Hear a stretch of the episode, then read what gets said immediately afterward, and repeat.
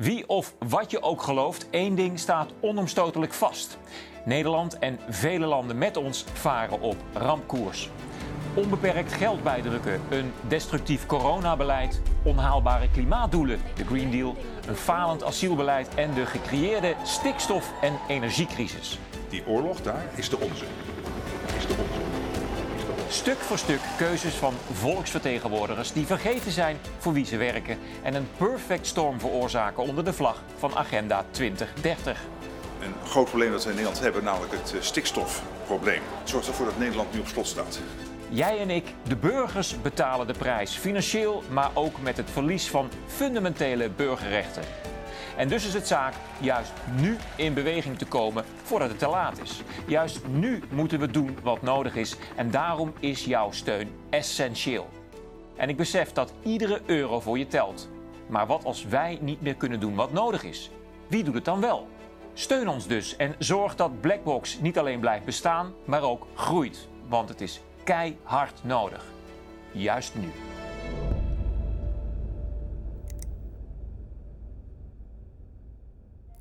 Onlangs lekten de zogenaamde Pentagon-files uit. Wat staat er in de documenten en in hoeverre berusten ze op de waarheid? En de Bank of England gaat met een zogenaamd Dream Team van 30 specialisten aan de slag met hun variant op de CBDC, de digitale pond. Wat zijn de gevolgen voor de eurogroep en in het bijzonder voor Nederland? Het is maandag 10 april. Mijn naam is Senna Orshi en je kijkt naar Blackbox Today.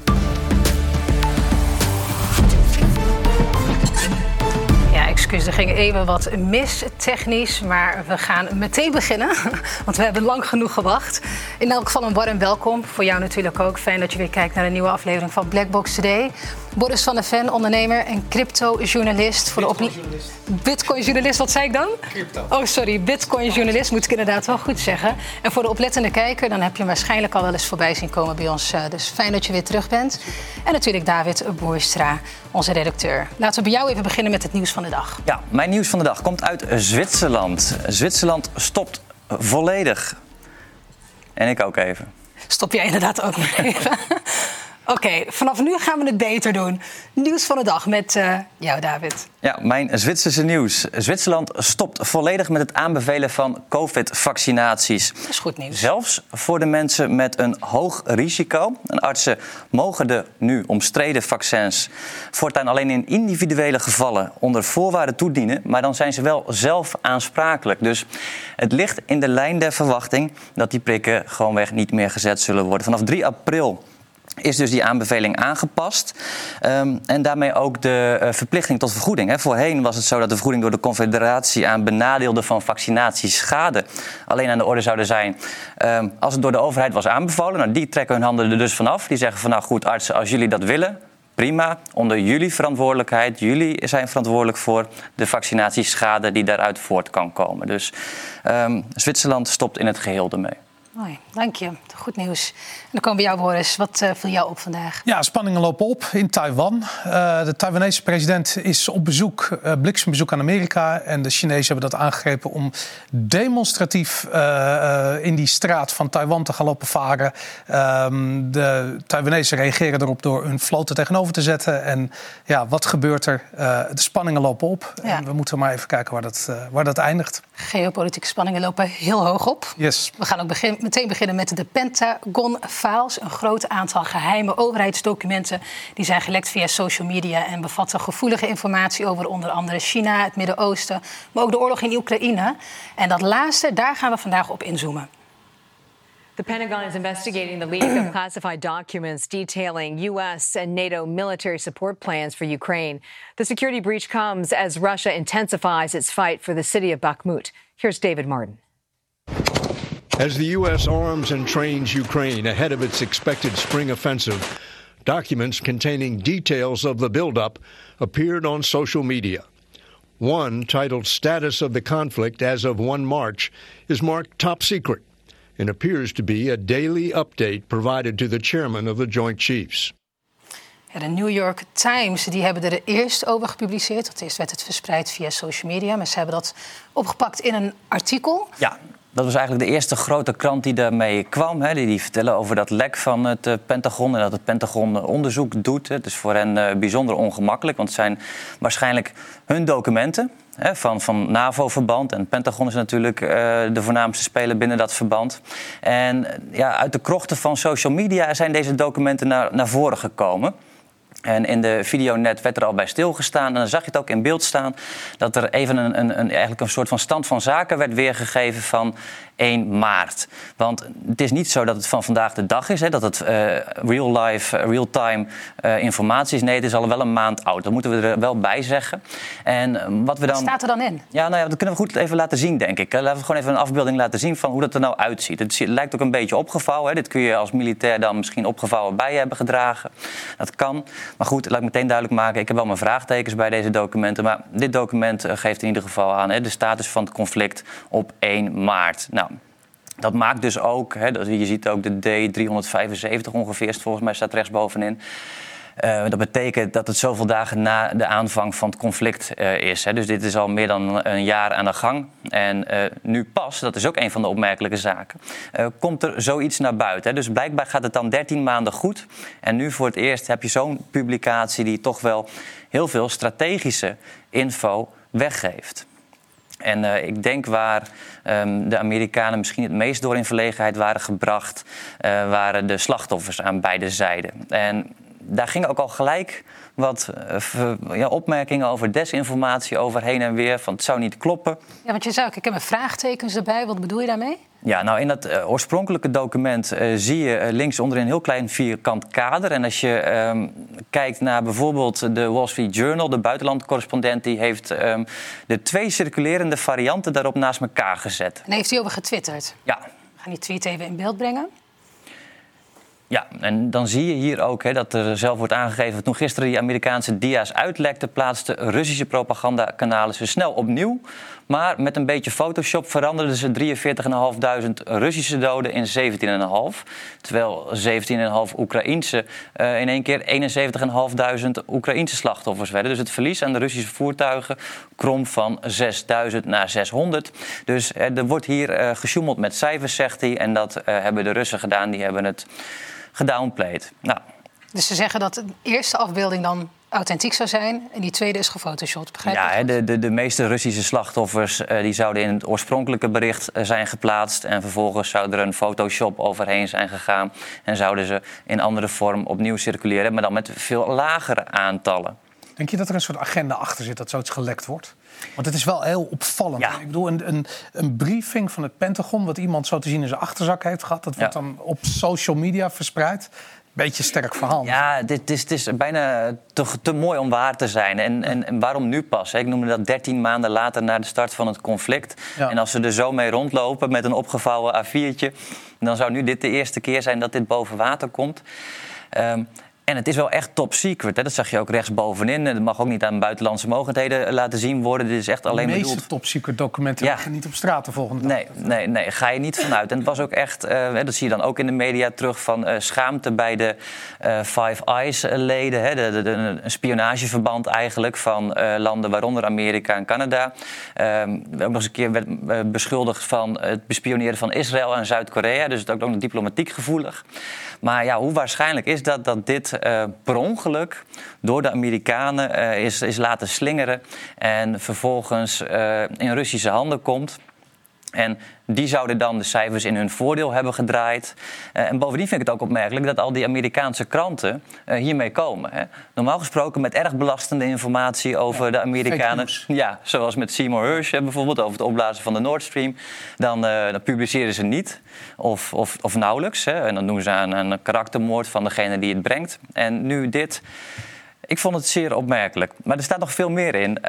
Ja, dus er was, was ook een afbeelding met eh, oorlogsmaterieel, hoeveelheden, Ja. levertijd. Ja, precies. Dat is een hele interessante ook. Hè. Daar hebben we hier uitzendingen lang bij stilgestaan. Hè, over welk materieel er naar Oekraïne gaat. Eh, ook namens Nederland. We hebben ons zwaarste materieel die kant op gestuurd. De panzerhouwitsers eerst.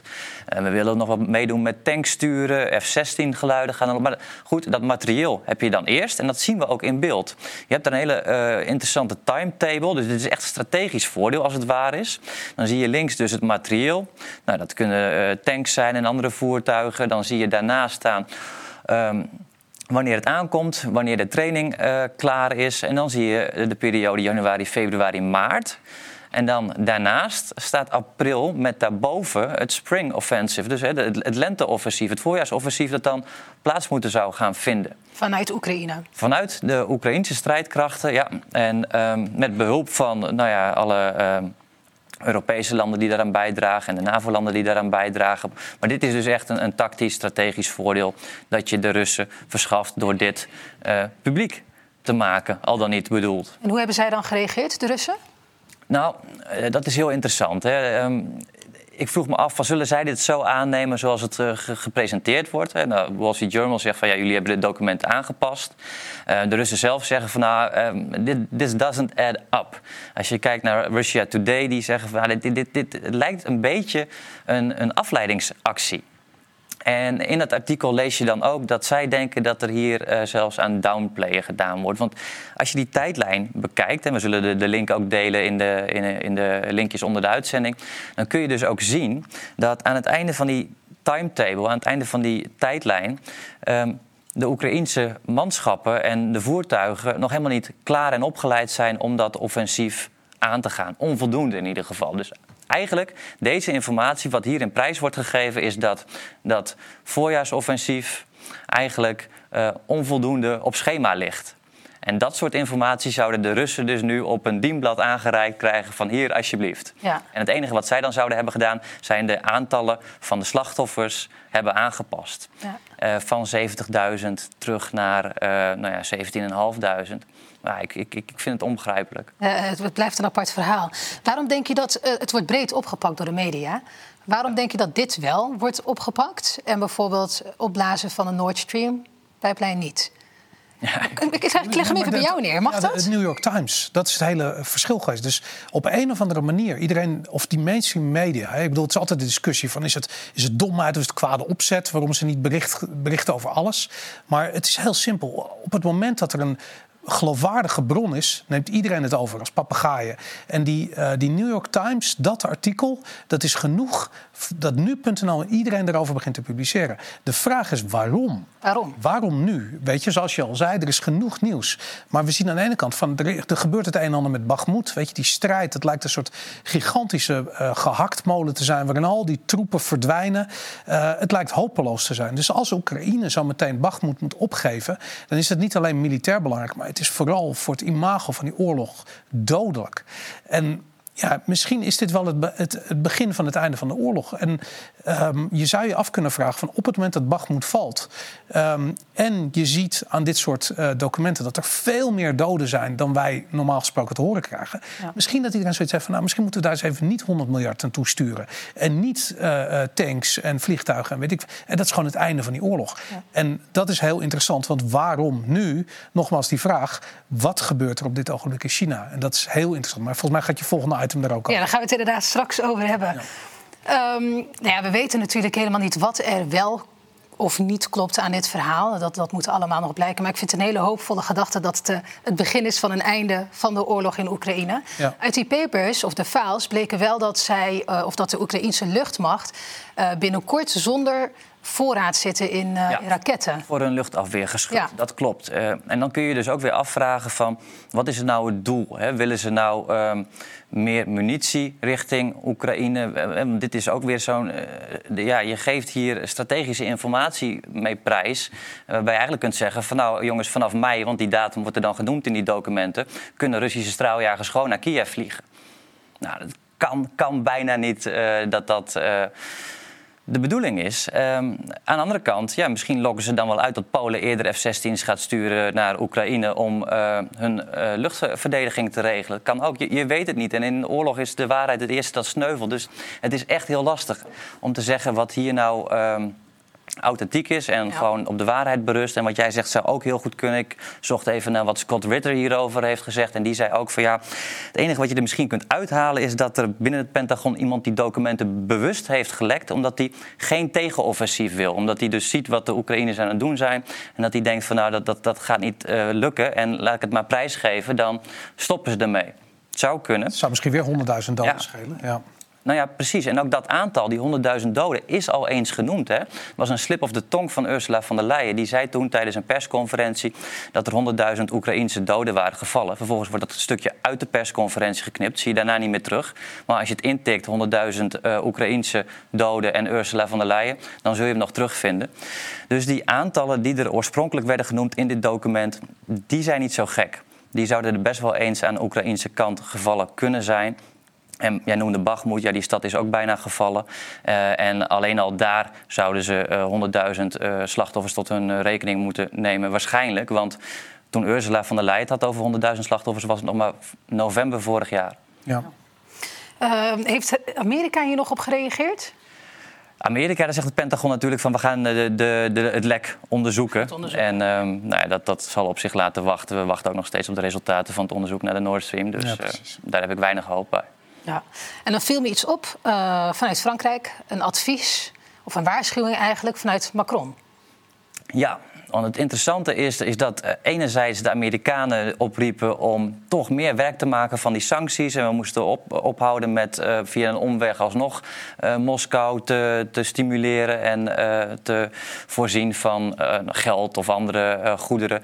En Macron die, ja, die had wat moeite met die Amerikaanse invloed en die kopt dan ook van hè, Europa moet eigenlijk weerstand bieden aan ehm, ja, die Amerikaanse invloed. Dat we altijd maar volgelingen zijn van Amerika, dat moet een keertje stoppen. Maar goed, als we dan die kop zien eh, en we zien Macron hier met de Chinese vlag achter zich. Dat beeld is toch, dat is bijna dystopisch. Weet je? je ziet gewoon hier Macron die de letterlijk en figuurlijk voor de Chinese vlag staat. Ik bedoel, Ja. Dit, eh, dat betekent dat je figuurlijk staat hij dus voor de Chinese agenda. Ik bedoel, dit is een geopolitiek event wat aan het plaatsvinden is. Er is een verschuiving aan de hand. Ehm, ja, de Amerikanen zullen het zullen beginnen te zweten, denk ik. Ja. Want als ze Europa kwijtraken... Ik weet niet of het voor ons goed is trouwens, maar ehm, ja, er gaat gewoon heel veel veranderen. Ja, want even voor de duidelijkheid, dit is nooit, nog nooit eerder eh, gebeurd. Nee. Amerika is, is de grootste bondgenoot van, van Europa. Ja, maar ze hebben natuurlijk wel, eh, als Seymour Hersh gelijk heeft, een militaire aanval uitgevoerd op, Duits, eh, eh, op Duitse belangen. Die Nord Stream-pijplijn opgeblazen. Eigenlijk zijn ze natuurlijk verantwoordelijk voor het ophitsen van die oorlog in de Oekraïne. Ehm, we hebben direct te maken met economische oorlogvoering in de zin van wat de dollar doet. Eh, kijk, de, de Amerikanen kunnen hun inflatie exporteren. De Europeanen kunnen dat niet. Dus wij hebben hier een hele hoge inflatie. Dus ook mensen als Macron zal zoiets hebben van... wow, wow, wow, dit gaat, dit gaat niet goed. We hebben last van het Amerikaanse buitenlands beleid. En dan deze gefotoshopte kop, want het is volledig gefotoshopt dit. Eh, ik weet het niet, maar dit spreekt boekdelen. Ja. Nou ja, we houden het in de gaten, dus het krijgt nog een staartje. En dan gaan wij, voordat we verder gaan met de CBDC... eerst nog even een politieke update van onze Tweede Kamerwatcher Bert Brandsma. Welkom. Goedenavond, eh Senna. Vanuit een eh, stormachtig Den Haag. Ik zie het. Ehm, Maar wel mooi beeld. jij, bent heel, jij bent heel goed in eh, vragen stellen. Maar zou ik nou voor de variatie jou eens een keer een vraag mogen stellen? Kom maar door. Ja? Nou, het is een eh, hypothetische meerkeuzevraag. Stel, je hebt eh, drie mensen. één inwoner van Utrecht, eentje uit De Beeld en eentje uit Almelo. En die ontwikkelen een wild plan. Ze willen thee gaan drinken in Tietjerkstradeel. En ze roepen al hun vrienden en bekenden en vooral online op via ehm, social media, hè, Facebook, YouTube, eh, Twitter, noem het allemaal maar op. En ze roepen iedereen op om massaal naar Tietjerkstradeel te komen om thee te drinken. En eh, de AIVD, die let natuurlijk altijd op, die krijgt daar, die krijgt daar eh, oren naar. En die denken van, oh, dit gaat fout, want de theevoorraad raakt op. Ehm, wie gaat dan deze zogenaamde oproerkraaiers een online gebiedsverbod opleggen? Is dat de burgemeester van Utrecht, de burgemeester van De Beeld, die van, ah, van Almelo of die van Tietjerkstradeel? Een online gebiedsverbod. Ja. Ik heb geen flauw idee, vertel. Nou, dat weet de overheid ook niet. Die weten dat ook niet. Bij een normaal gebiedsverbod, hè, wat je vaak bij eh, partnerstrijd uh, ziet, dan is de burgemeester van de woonplaats is daarvoor verantwoordelijk. Maar tegenwoordig met die online activiteiten, en ze noemen dit in dit uh, debat ook online aangejaagde ordeverstoringen, dan uh, zijn ze daar nog niet helemaal goed uit. En daar gaan ze dus komende dinsdag een, een debat over voeren. Okay. En dat, dat ga ik zeker volgen. En dan, nou ja, wat nog belangrijker is, denk ik, deze week, woensdag en donderdag komt het grote debat over, uh, eindelijk mag ik ook wel zeggen, over de parlementaire enquêtecommissie aardgaswinningen in Groningen. En alle gevolgen die dat heeft gehad voor de bevolking uh, al daar. Um, er zijn miljarden verdiend, uh, waarvan 88% in de Randstad is blijven hangen. En de noordelijke provincies die kregen slechts 1%. En Groningen bleef tenslotte met uh, grote schade achter. Tenminste, sommige burgers, met name uit Oost-Groningen. Mm En uh, ja, toen zij gingen procederen van joh, wij, uh, onze huizen gaan kapot, uh, kregen zij van de staat, de Raad van State als tegenover zich staan in de rechtbank en van de oliemaatschappijen kwamen daar de grote, dure advocaten uh, uit Amsterdam tegenover hun. En die werden gewoon kapot geprocedeerd als ze pech hadden. En ja, dit is eigenlijk net zo'n groot probleem, zou je kunnen zeggen, als het uh, toeslagenschandaal. Dus... En ja, we weten allemaal, daar is de vorige regering over gevallen. Dus het wordt een uh, spannend debat, denk ik, van gaat uh, de regering nu hetzelfde doen als uh, in dat geval? Of denken ze van, nou, Groningen is toch ver weg, laat maar zitten. Ja. Het is in ieder geval zo dat de inwoners van Groningen zeggen, op hun eigen taal, eerst zijn, dan geloven. Oftewel, eerst zien, dan geloven. Ja, dankjewel Bert. Ik denk dat Rutte het nog wel eens eh, heel lastig kan krijgen in dit debat. Maar we houden het in de gaten. Fijn dat jij dat voor ons doet. Prima. Ja, dan gaan we naar de digitale euro. Um, op dit moment zit dat in een ontwerpfase. Maar de Bank of England is deze week gestart met hun variant op de CBDC, de Digital Pond. Ze zijn begonnen met het ontwikkelen en het uh, ontwerpen ervan. Maar ook zij staan in het bijzonder stil met de privacyzorgen. Bij if the privacy. digital pounds, the Bank of England and the government would not collect any of your personal data and wouldn't be able to see how you spend your money. You would access the digital pound through a virtual wallet, and you would have to share some personal data with your wallet provider. This is because you would have a commercial relationship with your provider, and they would require some form of ID in order to prevent financial crime or fraud. Your privacy would still be protected by data privacy regulations, and your personal data would not be shared with the bank or the government. Ja, zij zijn erg hoopvol als het aankomt op privacy. Ja, ze weten het niet heel erg te verkopen als ik dit videootje zo zie. Um, het enthousiasme straalt er niet vanaf. Uh, wat interessant is, is dat ze nou zeggen van ja, weet je, die digitale pond, die zogenaamde Britcoin, zoals ze noemen, een beetje een take op Bitcoin. Um, ja, die gaat er nu komen. Ze gaan hem ontwerpen. Nou, de, de realiteit is dat ontwerp ligt er al heel erg lang. Dit is niet nieuw. Um, het, het enige waar ze nu echt over moeten nadenken, is hoe gaan ze dit sociaal-maatschappelijk verkopen? Hoe gaan mensen in godsnaam akkoord met een soort Um, voorwaardelijk geld. Want dat is wat dat is. Kijk, die, die, die, die, dame in die video die zegt ook van ja, we, uh, uh, weet je, je privacy is gewaarborgd door wetgeving en regelgeving. Nou, we hebben in die coronaperiode precies gezien hoeveel dat waard is. Weet je, wat jouw, waar jouw privacy precies ligt en waar uh, we doen het voor elkaar, de, de collectieve gedachte inbreuk maakt op jouw persoonlijke vrijheid. Nou, je moet je voorstellen dat je moet die overheid dus gaan vertrouwen met die privacy, met, met, met je uitgavenpatroon, met waar je allemaal geld aan uitgeeft. En natuurlijk zegt de overheid, ja, maar dat is geen enkel probleem. Dat, dat is bij, die informatie is bij ons veilig. Maar dat zeggen, dat zeggen zij bij de Bank of England niet. Die zeggen, het is allemaal, uh, je hoeft je geen zorgen te maken ja, over die privacy. Nee, je hoeft je geen zorgen te maken. Het komt allemaal goed. Ga lekker slapen, het komt goed. Maar hebben zij dan een andere oplossing? Of wordt, wordt er nu gelogen? Wat, wat, hoe moet ik dit zien? Uh, nee, zij zeggen gewoon, je hoeft je geen zorgen te maken. That's it, punt. Ik bedoel, hebben ze er een oplossing voor? Of denk nee, je, nee? De, de, de data ligt gewoon, die is gewoon vrij toegankelijk voor de overheid. En wat ze vervolgens met die data doen, daar kunnen ze nu zeggen van ja, we gaan daar uh, niks mee doen. En we gaan jouw transacties niet koppelen aan jouw uh, persoonlijke identiteit. Maar reken maar dat we de eerstvolgende crisis verwijderd zijn van het moment dat ze dat wel zullen doen. Je schept in ieder geval een situatie waarin het kan. Precies, en dat wil je niet. Het is exact hetzelfde als dat jij een portemonnee in je zak hebt... en er zit misschien wat cash geld in... en die portemonnee geef jij uh, aan de eerste, de beste uh, persoon die je op straat tegenkomt... zegt, kun je dit voor me bewaren voor het geval ik het nodig heb in een noodgeval? Nou, dat ga je ook niet doen, weet je. Je wil zelf verantwoordelijk zijn en de verantwoordelijkheid dragen... voor het geld wat je uitgeeft. Nou, dat is het grote probleem van hoe gaan ze dat verkopen... En als je dat dan wil verkopen, dan moet je in ieder geval een probleem hebben wat je ermee oplost. En dat is er ook al niet. Weet je, welk probleem lost die central bank digital currency op? Nou, niks op dit ogenblik. Uh, niks wat ze communiceren in ieder geval. Er is wel degelijk een probleem, maar daar praten ze niet over. Nee. En dan, dan de naam, Bitcoin. Ja, dat is natuurlijk een take op Bitcoin. Ja. Uh, die hele central bank digital currency is ontstaan na de geboorte van Bitcoin, 2008, 2009. De crisis, Bitcoin was een reactie daarop. En toen heeft iedereen gezien van hé, hey, het, is mogelijk om iets te creëren wat uh, zich voordoet als uh, een, een online digitaal geld. Eigenlijk digitale schaarste. En nou is Bitcoin absoluut digitaal schaarste. Uh, omdat er niemand, niemand is de baas erover, niemand heeft echt zeggenschap erover. Uh, behalve iedereen die deelneemt aan het netwerk met elkaar. Maar dat geldt niet voor al die central bank digital currencies. Daar is gewoon de overheid de baas. Dus er is ook niet echt een verschil tussen zo'n central bank digital currency en de euro's die op je bankrekening hebt staan. Het is allemaal gecreëerd door een gecentraliseerde entiteit.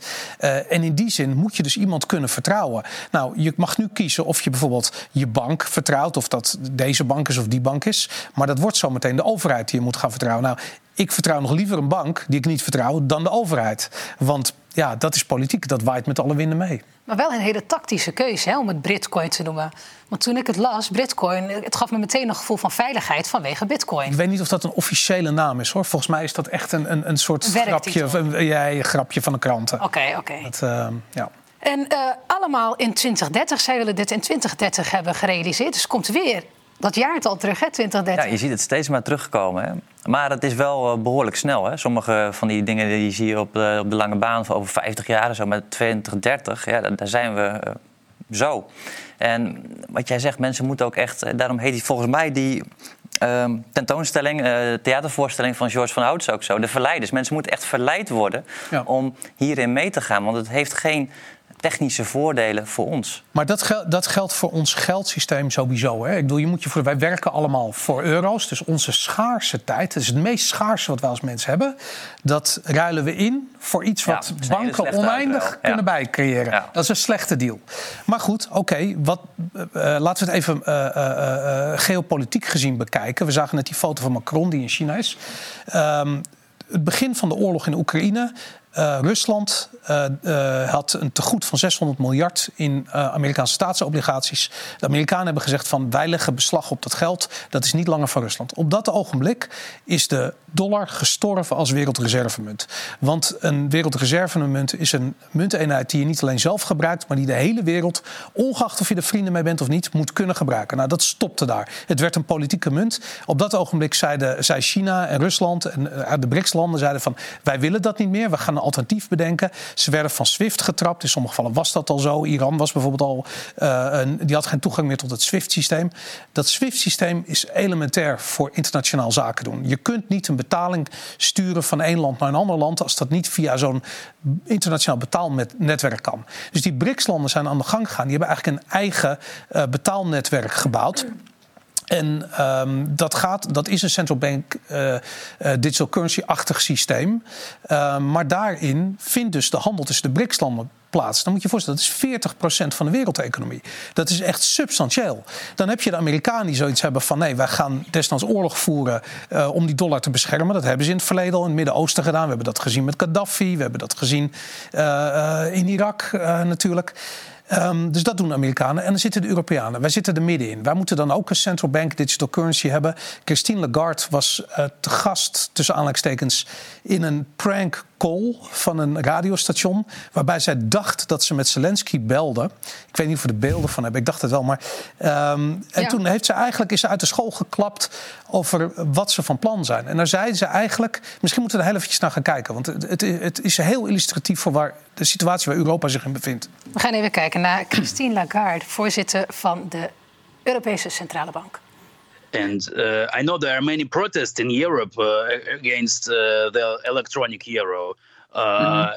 What is the reason? You know, it's it's the beauty of Europe. It has different uh, positions. If you ask in Northern Europe, for instance, uh, in the Netherlands, they're quite happy to see the e-euro coming. If you ask a young German um, man, he'll say, "Yeah, fine."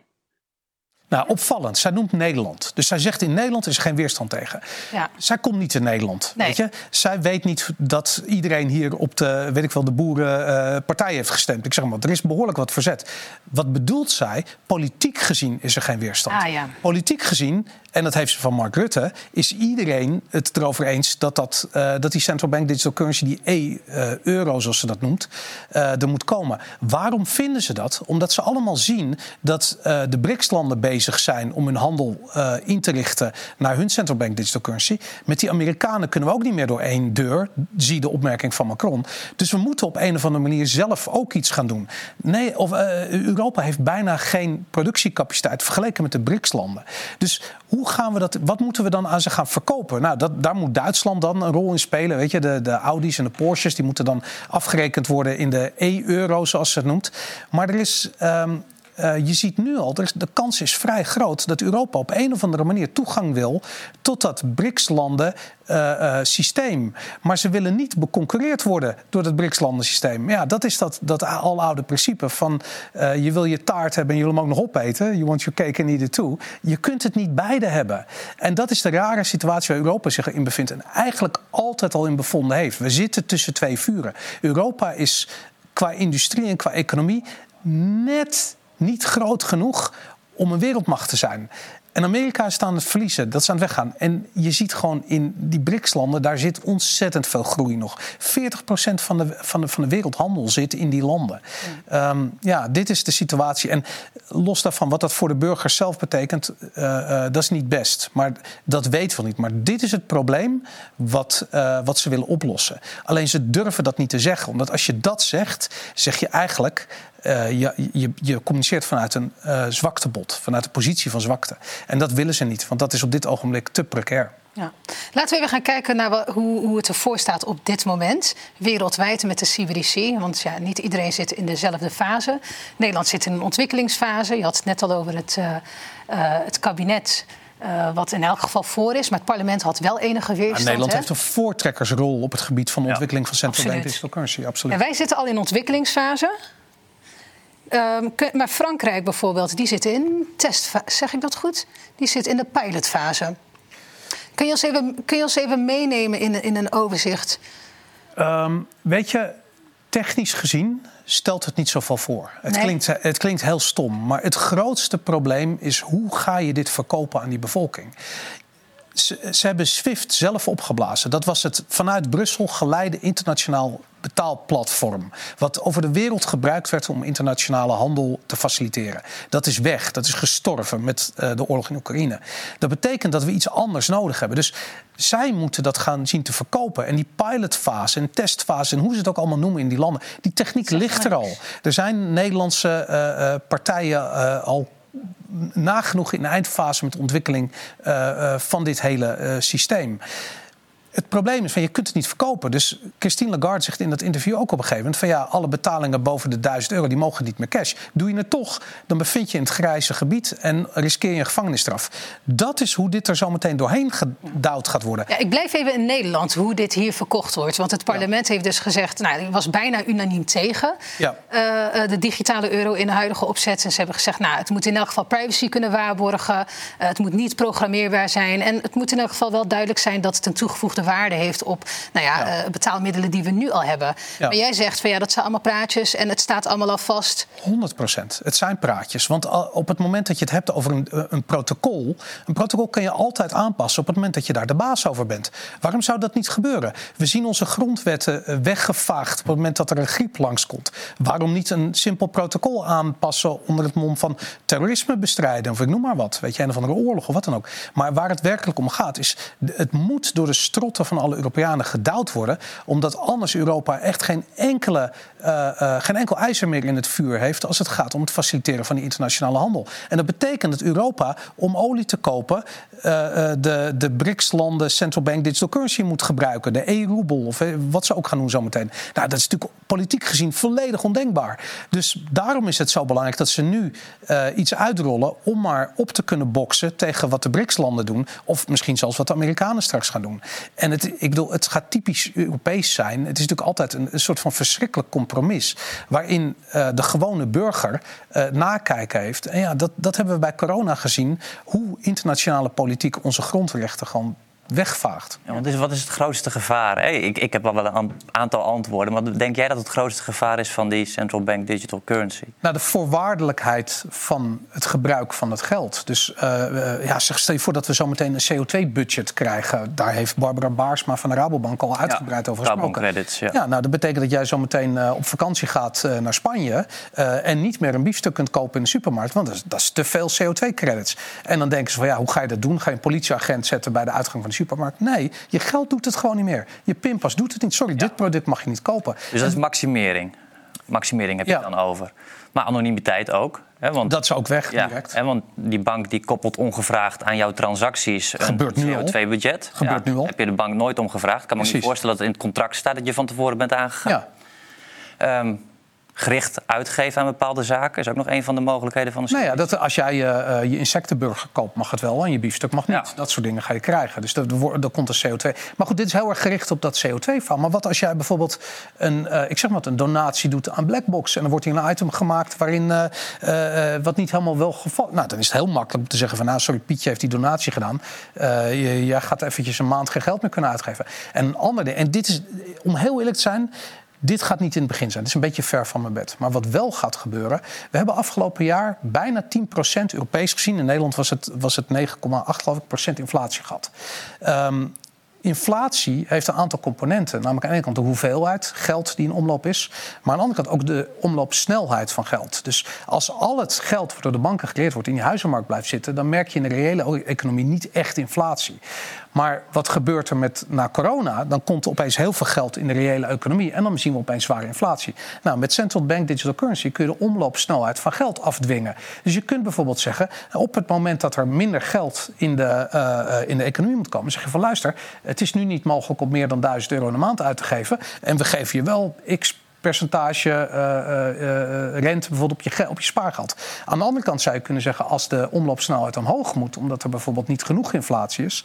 dan zeggen ze gewoon van luister op de 24 ste maand kwijt. Ja, als je het niet uitgeeft betaal je 10% belasting bijvoorbeeld. Ja, of, of rente, of weet ik veel. Dus ze kunnen dat gewoon helemaal volledig programmeerbaar... voor een hele economie uitrollen. Dat is een natte droom van iedereen die zich bezighoudt met het centraal plannen van een economie. Ja. En dat is het probleem. Het centraal plannen van het economie is het tegenovergestelde van een vrije markteconomie. Een vrije markteconomie is vrijheid. Dus vrijheid gaat weg. Dit staat er haaks op, hè, want de baas van Lagarde, hè, die hierboven staat, mm -hmm. uh, van de BISbank, die zei het ook al. Hè, dit gaat om totale controle. Ja, ja, die heeft het gewoon gezegd. Dat is die Mexicaan. Die, dat zal dus in beginsel niet zo zijn, zeg je, maar later dan komen die beperkingen. Nou, dat is de reden waarom het uitgerold wordt, in combinatie met die geopolitieke situatie. Uh, de, het zal aan de burgers in eerste instantie verkocht worden als een of andere uh, service die je krijgt, als een soort feature, als een product wat je nodig hebt. En dat is nou precies het probleem. Ze kunnen dat niet verkopen. Want er is geen enkele reden om dat te gebruiken. Sterker nog, met 10% inflatie zou je eerder geneigd zijn om toe te gaan naar een vorm van geld. wat niet zo makkelijk bij te keren, zodat je die problemen met inflatie niet hebt. En aangezien ze dat zien aankomen, dat hebben ze letterlijk gezegd van. Uh, Christine Lagarde heeft gezegd: als je een, een, een, een ontsnappingsluik openlaat. In de, dat ging over Bitcoin in de tijd. Ja. Als je dat openlaat, dan zullen mensen het gebruiken. Daarom moet Bitcoin uh, in een verdomme hoekje. en moeten banken daar niet meer uh, meewerken aan de aankoop daarvan. En dat zie je ook gebeuren. Dus mensen moeten zich nu voorbereiden op het feit dat dat de ontsnappingsluik dicht gaat. Dat ja. economische ontsnappingsluik. En het probleem nu in Nederland is dat veel mensen nog niet eens weten dat dit probleem speelt. Die zien het niet aankomen. Nou, het parlement die heeft zich, of maakt zich zorgen over de privacy. Die heeft dat ook bij Kaag neergelegd. Van, nou, ja. het, we moeten wel privacy kunnen waarborgen. Ja. Daarover kreeg Klaas Knot, de baas van de Nederlandse Bank, ook een vraag afgelopen vrijdag. Ja. In het NRC werd er een interview uh, afgenomen. En ik wil even met jullie reflecteren op een quote van hem. Hij heeft namelijk gezegd: Dat is, uh, dus als, we het hebben over privacy en de zorgen, mensen die zor zich zorgen maken over hun privacy. Daarop zegt hij dat is vooral een frame van samenzweringstheoretici. Natuurlijk ja. is het zo dat elke digitale transactie traceerbaar is als de Chinese overheid de digitaal centrale bank geld uitgeeft, dan zou ik me als consument inderdaad enigszins zorgen maken over mijn privacy. Maar in Europa hebben we gelukkig de meest geavanceerde privacywetgeving ter wereld. Ja, nou, het, uh, heel interessant wat hij zegt. Sowieso, als hij zoiets zegt, weet je van dit is de ECB die praat. Uh, dat was vroeger niet zo, maar dat is nu wel zo. Het is geen frame van samenzweringstheorie. Hij zegt zelf, natuurlijk is het zo dat elke digitale transactie traceerbaar is. Ja, ja de, natuurlijk is dat zo. Iedereen weet dat. Dat betekent ja. dat je het niet moet gebruiken. Direct zegt hij dus eigenlijk ook dat, dat het parlement daar onderdeel van ja. is. En hij zegt van ja, als de Chinezen het zouden doen, dan zou ik er ook niet aan meedoen. Maar als Europa een soort van collectivistisch uh, Chinees overheidssysteem uitrolt, dan is het wel oké. Okay?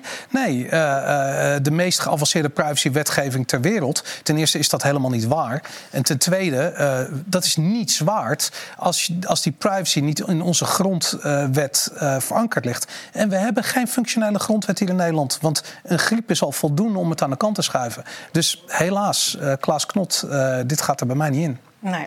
En met deze woorden gaan we afsluiten, heren. We zijn aan het einde gekomen van deze uitzending. Ik ga jullie heel erg bedanken voor jullie waardevolle informatie en aanwezigheid. Graag gedaan. En jij natuurlijk heel erg bedankt voor het kijken naar een, een, nieuwe uitzending van Blackbox Today. We zijn op woensdag weer met een nieuwe aflevering van Blackbox Nieuws en Blackbox Today om 7 uur. En vind je het belangrijk dat wij deze uitzendingen blijven maken? Maar lijkt het je ook leuk om andere gelijkgestemden te leren kennen? Word dan een Blackbox Buddy en ondersteun ons kanaal. Je kan je hiervoor aanmelden op blackbox.tv/buddy. Deel deze uitzending met zoveel mogelijk mensen. Daarmee help je ons enorm. Verder wens ik je een hele fijne avond en graag weer tot woensdag. Wie of wat je ook gelooft, één ding staat onomstotelijk vast. Nederland en vele landen met ons varen op rampkoers. Onbeperkt geld bijdrukken, een destructief coronabeleid, onhaalbare klimaatdoelen, de Green Deal, een falend asielbeleid en de gecreëerde stikstof- en energiecrisis. Die oorlog daar is de onze. Is de onze. Stuk voor stuk keuzes van volksvertegenwoordigers die vergeten zijn voor wie ze werken en een perfect storm veroorzaken onder de vlag van Agenda 2030. Een groot probleem dat we in Nederland hebben, namelijk het stikstofprobleem, zorgt ervoor dat Nederland nu op slot staat. Jij en ik, de burgers, betalen de prijs. Financieel, maar ook met het verlies van fundamentele burgerrechten. En dus is het zaak juist nu in beweging te komen voordat het te laat is. Juist nu moeten we doen wat nodig is en daarom is jouw steun essentieel. En ik besef dat iedere euro voor je telt. Maar wat als wij niet meer kunnen doen wat nodig is? Wie doet het dan wel? Steun ons dus en zorg dat Blackbox niet alleen blijft bestaan, maar ook groeit. Want het is keihard nodig. Juist nu.